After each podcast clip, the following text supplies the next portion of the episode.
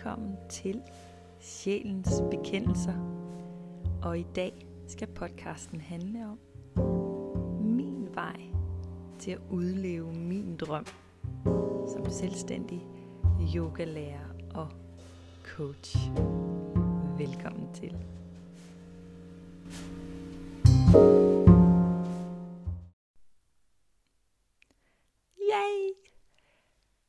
Jeg sidder nu og store smiler over, at jeg rent faktisk sidder og optager min første episode i min podcast. Den her podcast har jeg drømt om og tænkt over og vendt i mit hoved i årvis. Og nu er den en virkelighed. Og den første episode skal handle om, hvordan jeg egentlig er kommet hertil.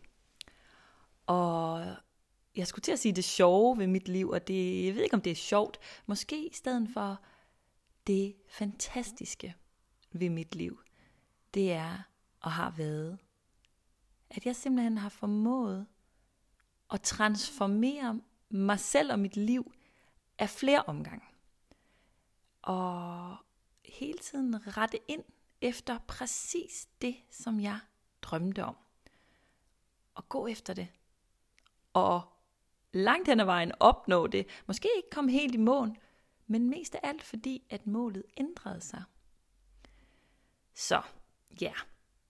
Lad os øh, starte ved begyndelsen. Jeg hedder Maja Krog.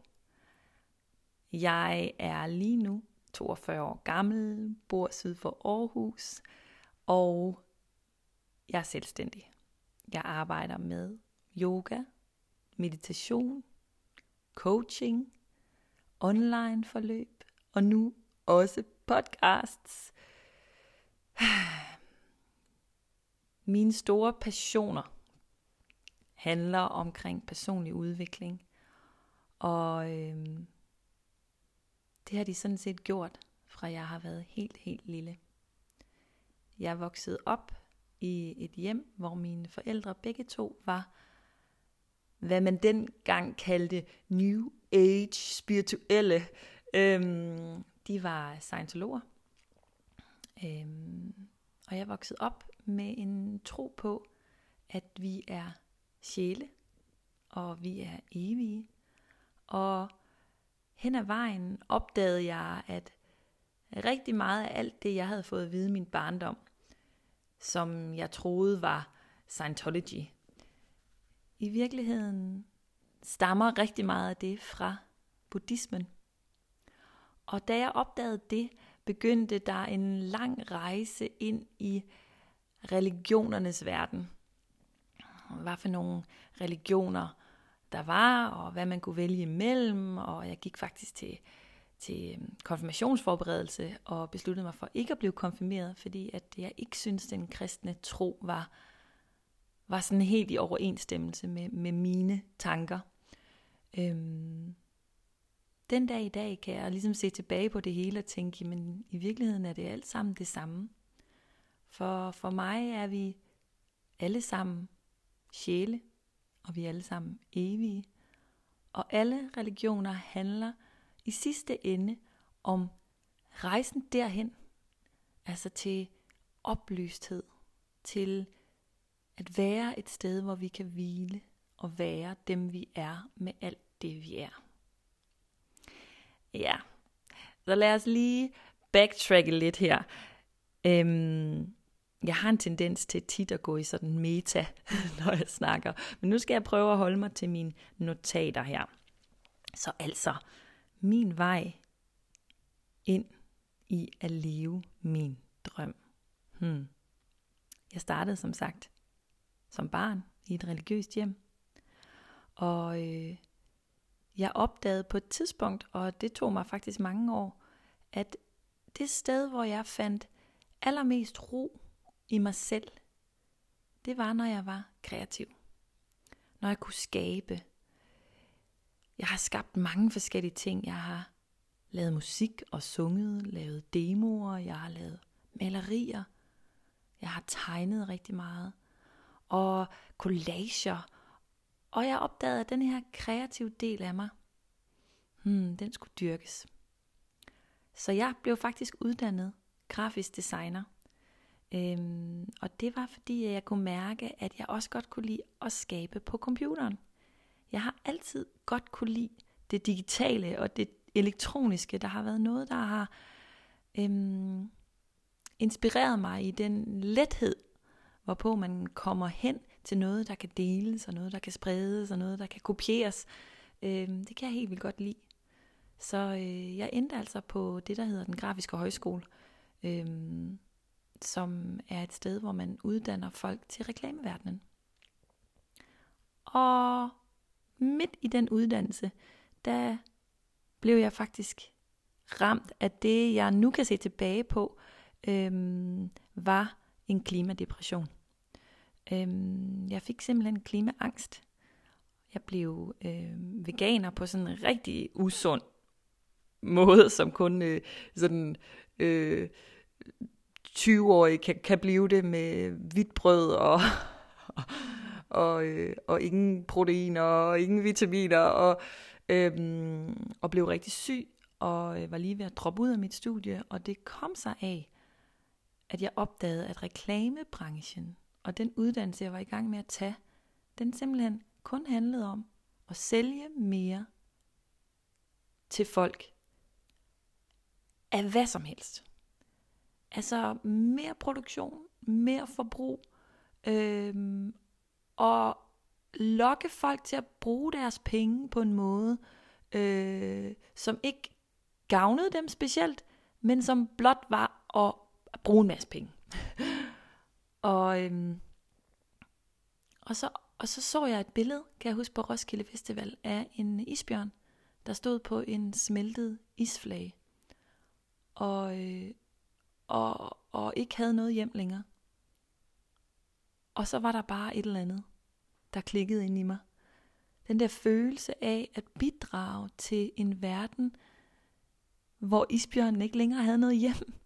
Øhm, altså jeg så sådan, sådan en dommedag foran mig, om hvordan de her vandmasser ville strømme ind over Danmark og oversvømme os alle sammen. Hvis vi bare blev ved med at forbruge, og hvis jeg bare blev ved med at lave reklamer for Coca-Cola og storkapitalen og, og bare solgte til højre og til venstre.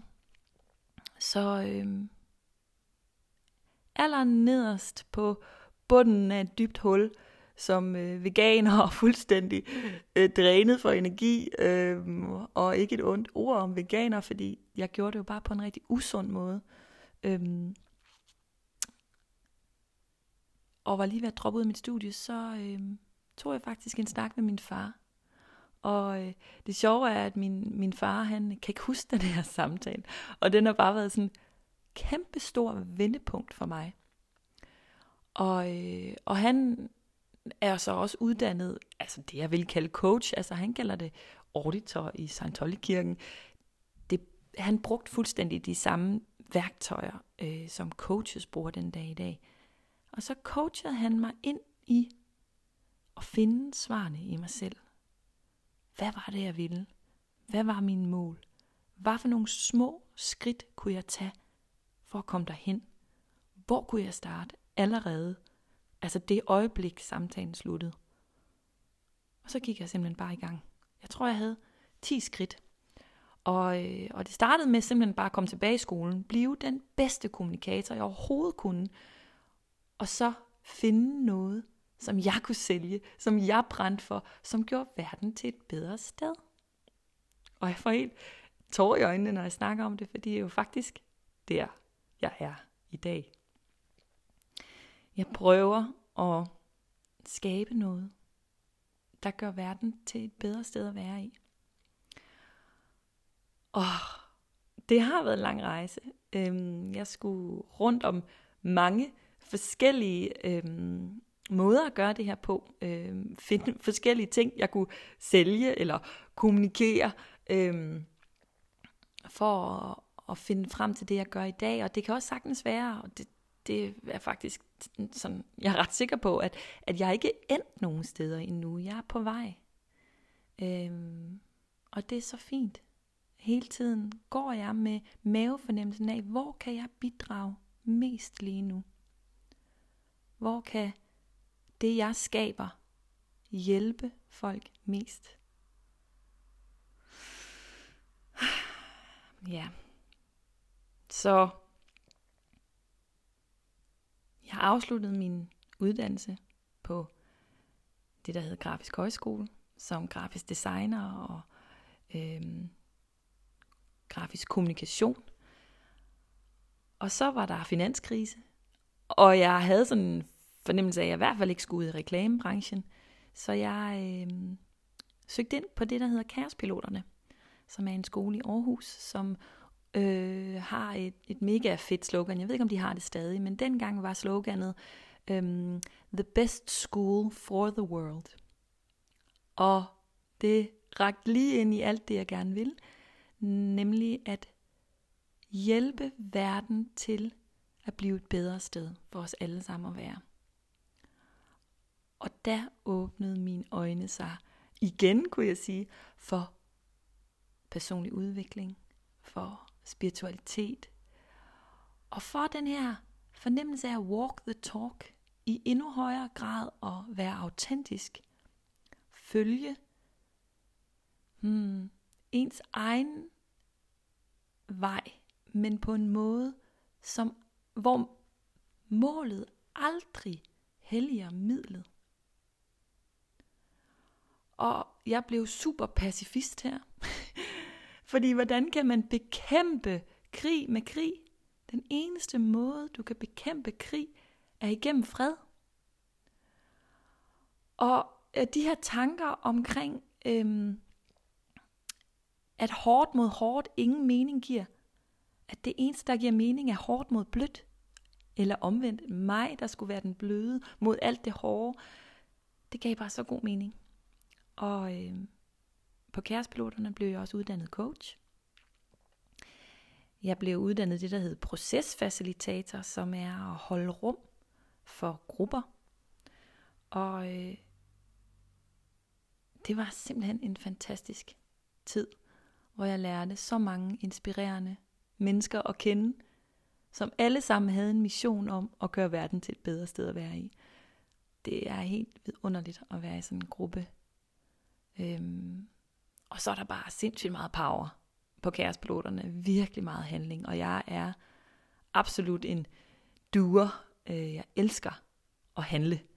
Øhm, ja. Så kom jeg ud i den virkelige verden. Og øh, skulle til at finde det der job. Og der var der bare noget virkelighed, som ramte noget økonomi, og jeg havde sideløbende med kærespiloterne været øhm, grafisk designer for, for musikere for eksempel, og lavet deres øhm, covers. Og, altså folk, jeg synes, der havde en god sag og noget godt på hjerte, dem prøvede jeg at hjælpe. Øh, og, øh, og det, det jeg så bare kunne mærke, det var, at ved at bruge mit håndværk som grafisk designer, så kunne jeg faktisk ret hurtigt skabe mig en karriere. Så der var det faktisk, det var min første selvstændige virksomhed.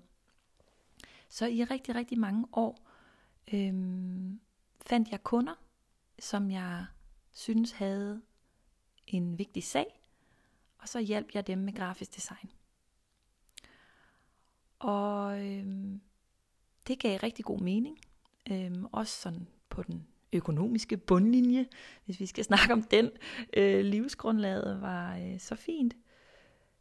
Men øhm, det endte også med, at det føltes lidt tomt. Og måske mest af alt føltes det lidt ensomt. Øhm, jeg havde ikke nogen gruppe omkring mig, og jeg synes ikke, det battede noget. Det blev, det blev meget småt på en eller anden måde, og, og ikke særlig nært heller. Altså, jeg snakkede aldrig med slutbrugeren. Jeg var, jeg var sådan bindeled ind i sådan virksomhederne. Øhm, og så lavede jeg noget, der var smukt og flot og kommunikerede rigtig godt, men, men jeg oplevede ligesom ikke, at jeg ændrede noget. Og så tonede Uffe Elbæk frem på skærmen, hvor han havde oprettet Alternativet sammen med Torsten Geil og Josefine Fock. Og jeg var bare sådan, det der projekt, det skal jeg være med til. Det er dem, jeg skal bruge alt det, jeg har lært. Alle mine kommunikationsevner. Ikke bare på det grafiske bag en computer, men også i gruppen. Jeg skal facilitere, jeg skal motivere, jeg skal skabe en kommunikationsplatform sammen med Alternativet, som kan skabe en ny politisk virkelighed i Danmark. Og det var et vildt eventyr. Så øh, jeg kontaktede med kontaktformularen, Alternativets hjemmeside var på det her tidspunkt tre undersider, tror jeg. altså, hvor der var en kontaktformular, sådan, ja, jeg vil gerne være frivillig. Og så kom jeg til møde med øh, Uffe Elbæk, og vi sad, jeg tror vi var 40 mennesker til det møde, 40 frivillige, som kaldtes, vi var de kerne, kernegruppen. Og jeg kan huske, Uffe Elbæk sagde ud i rummet, vi har den. Vi er alternativet.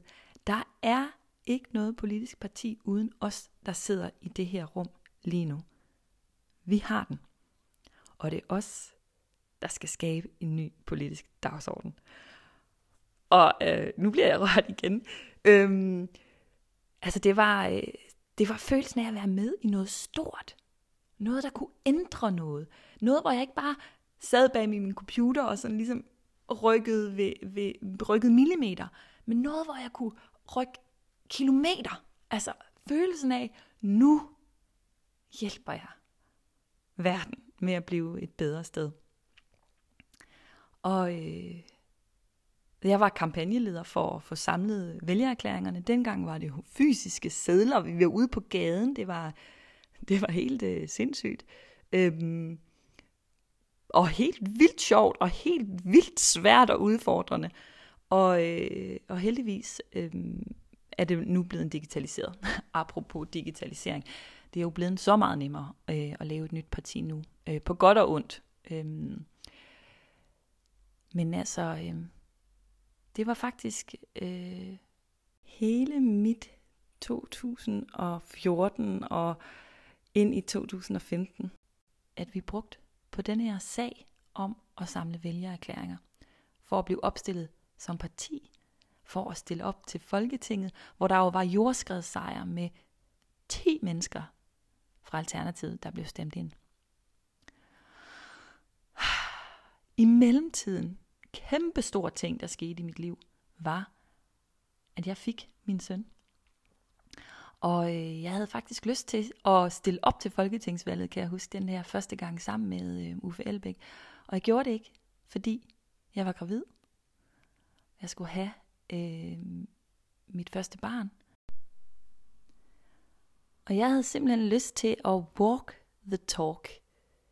I Alternativet øh, snakker vi meget om at have nærvær øhm, for at skabe en bedre verden, der bliver vi nødt til ikke at lade midlet blive helliget af målet, som jeg også har snakket om før. Vi bliver nødt til simpelthen selv at være den forandring i verden, som vi ønsker at se.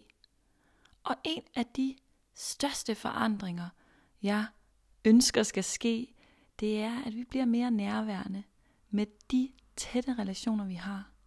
Fordi jeg virkelig tror på, at hvis vi kan være til stede med dem, vi er tæt på, så vil det sprede sig som ringe i vandet. Så langt ud, at vi til sidst faktisk kan være nærværende med den isbjørn, der står ude på den isflade. At vi kan sætte os ind i den isbjørn, fordi vi er til stede her i livet. Vi kan mærke vores krop, vi kan mærke vores åndedræt, vi kan mærke, at vi er en del af naturen, og naturen er en del af os. Og hvis vi kan mærke det, så vil vi aldrig påføre naturen nogen skade. Eller andre mennesker. Palæstinenser eller isra, israelitter eller hvem end vi står overfor, vil vi aldrig nogensinde kunne gøre dem noget ondt. Og derfor blev jeg også nødt til ikke at stille op til Folketinget dengang. Jeg blev nødt til at være sammen med min søn. Og det var så hårdt.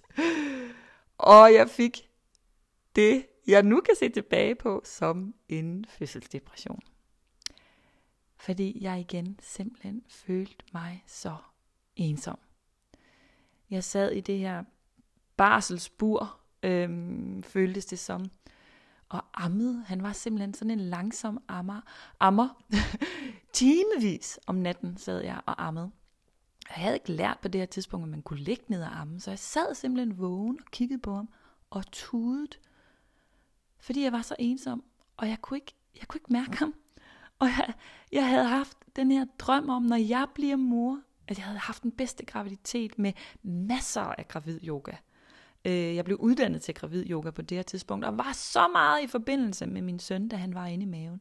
Og da han kom ud, øhm, der kunne jeg slet ikke mærke ham. Der var, der var slet ikke nogen forbindelse, og nu bliver jeg rørt igen. Øh, og det var sådan en kæmpe drøm, der brast i mig. Forestillingen om at være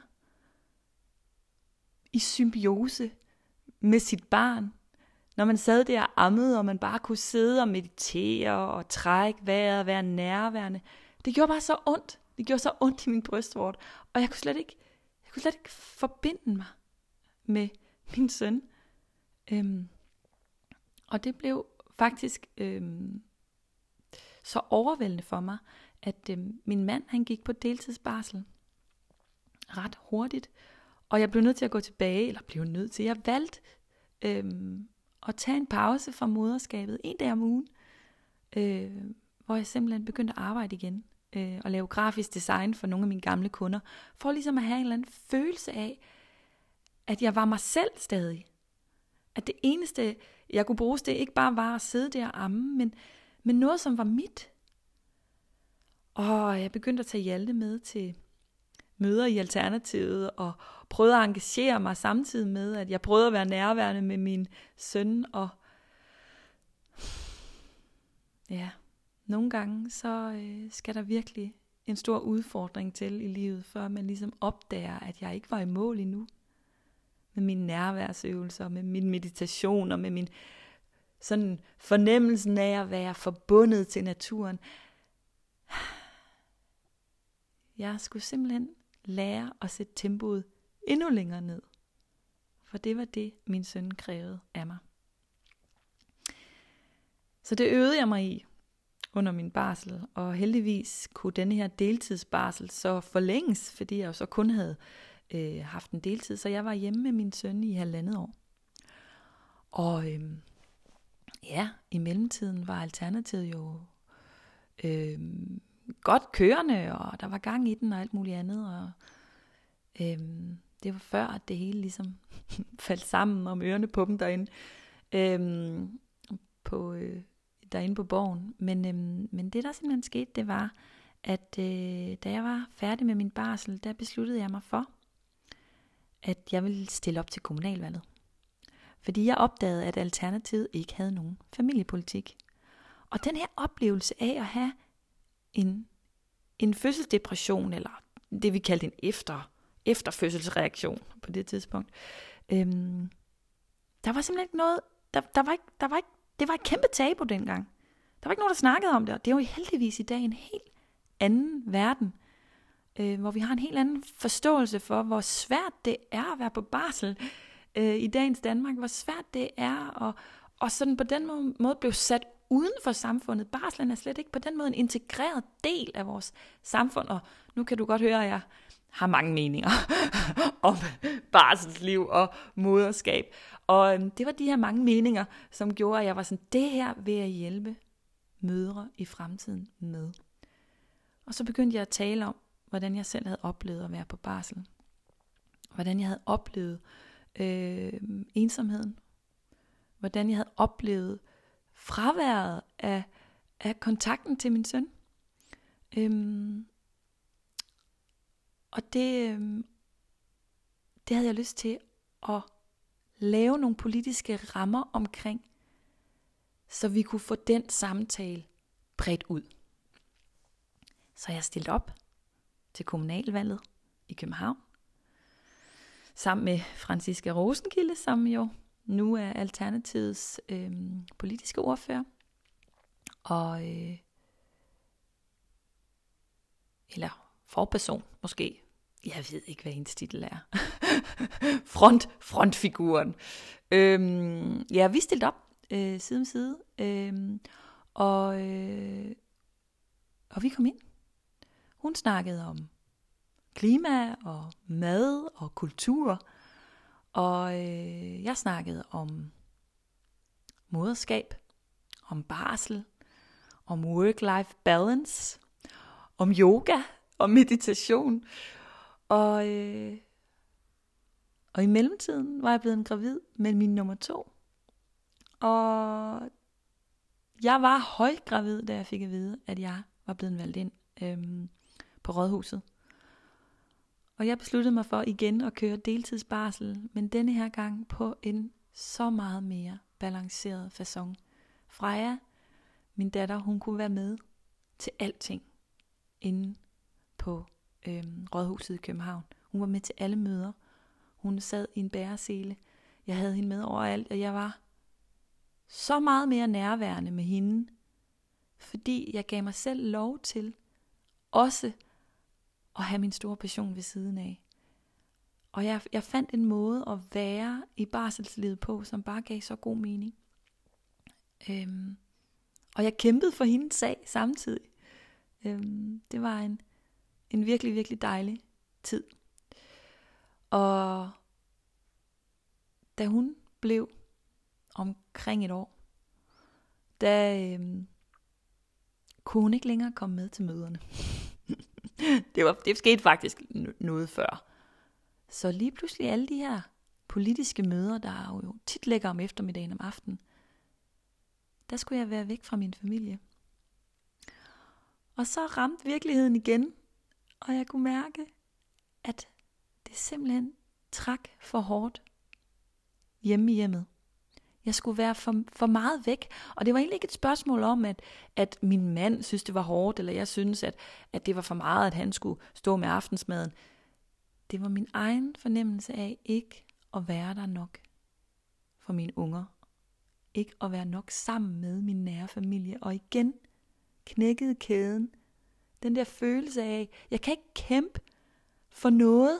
Jeg kan ikke have et mål om, work-life balance og nærvær med familien og, og arbejde på deltid, hvis det betød, at jeg selv skulle være væk fra min egen familie i 80% af deres vågne timer.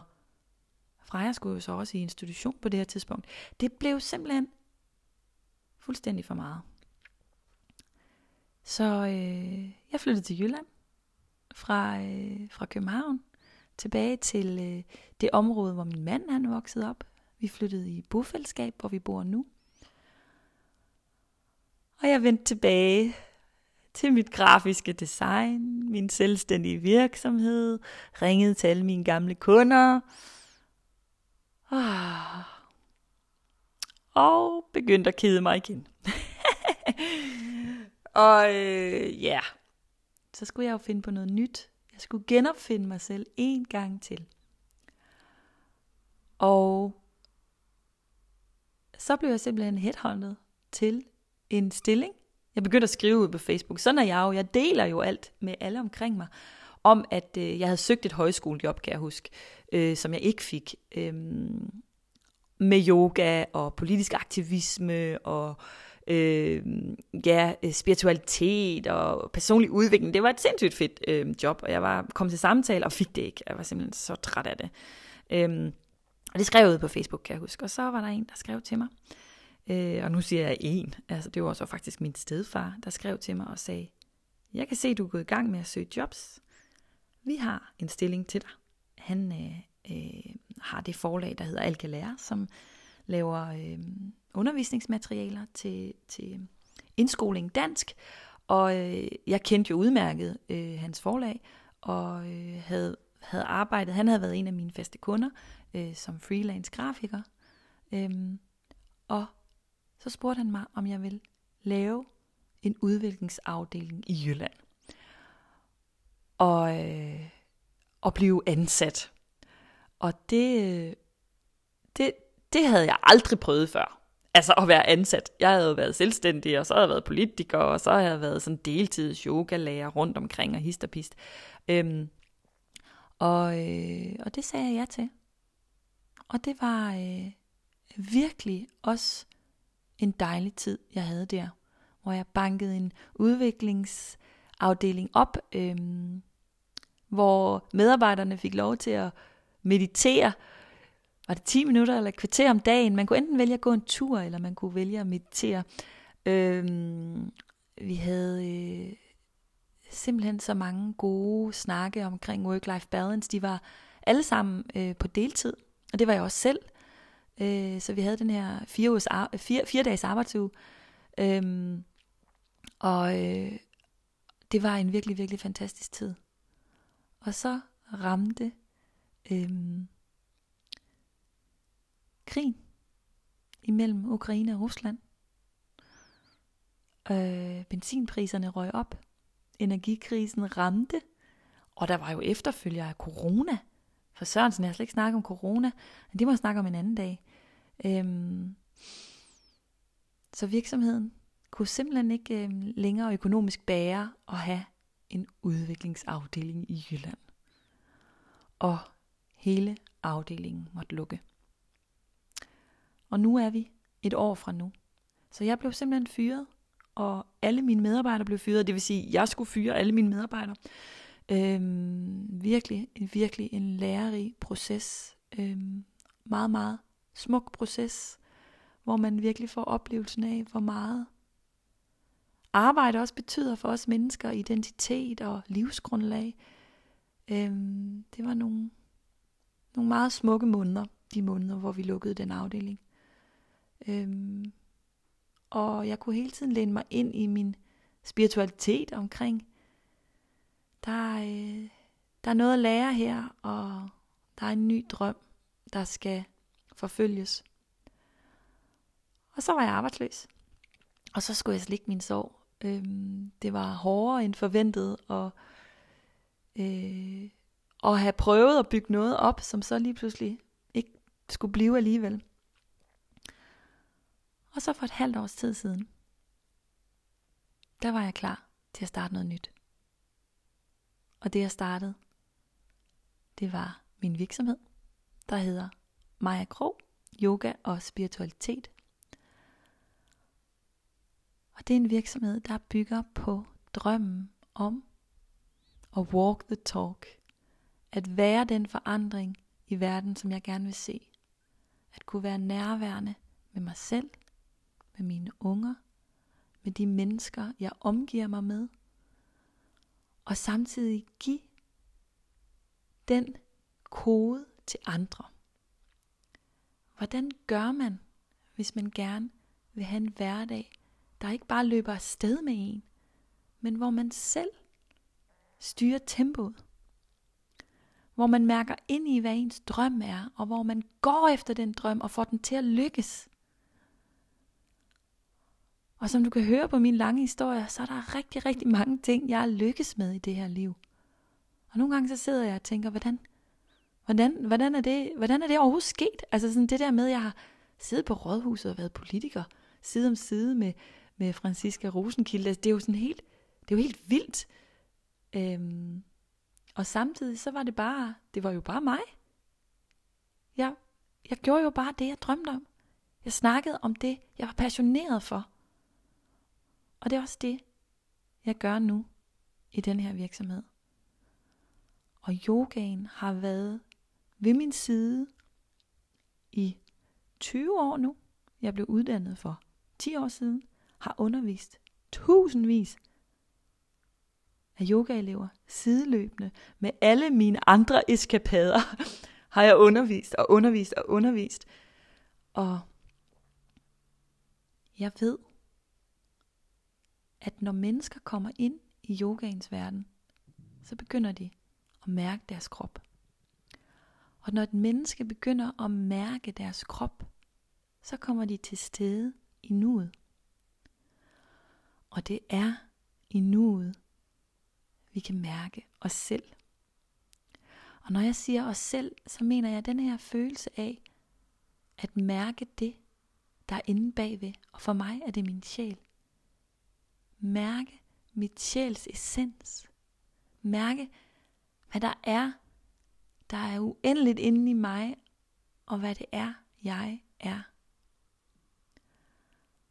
og at den sjæl så har en eller anden form for lyst til at skabe et fysisk manifest i den her verden, i det her liv, det er jo så det, man skal finde ud af, hvad det er. Og det behøver ikke at være én ting. Det er jo også det, jeg har opdaget. Det kan sagtens være flere forskellige ting, der ligesom på en eller anden måde alligevel har en rød tråd, når man kigger tilbage. Og den røde tråd for mig handler om nærvær. Den handler om at være til stede i det liv, vi har.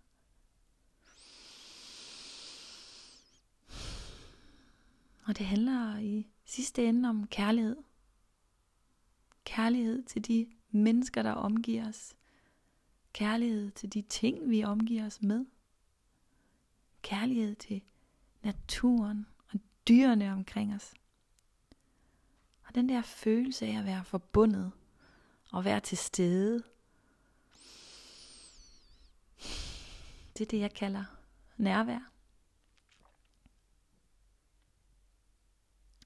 Og det tror jeg er, hvor denne her episode faktisk må ende.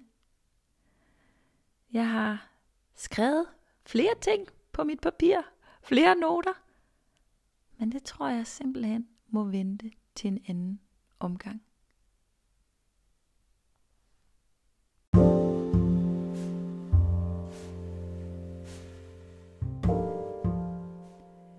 Tusind, tusind tak for at have lyttet med til det her første afsnit af min podcast.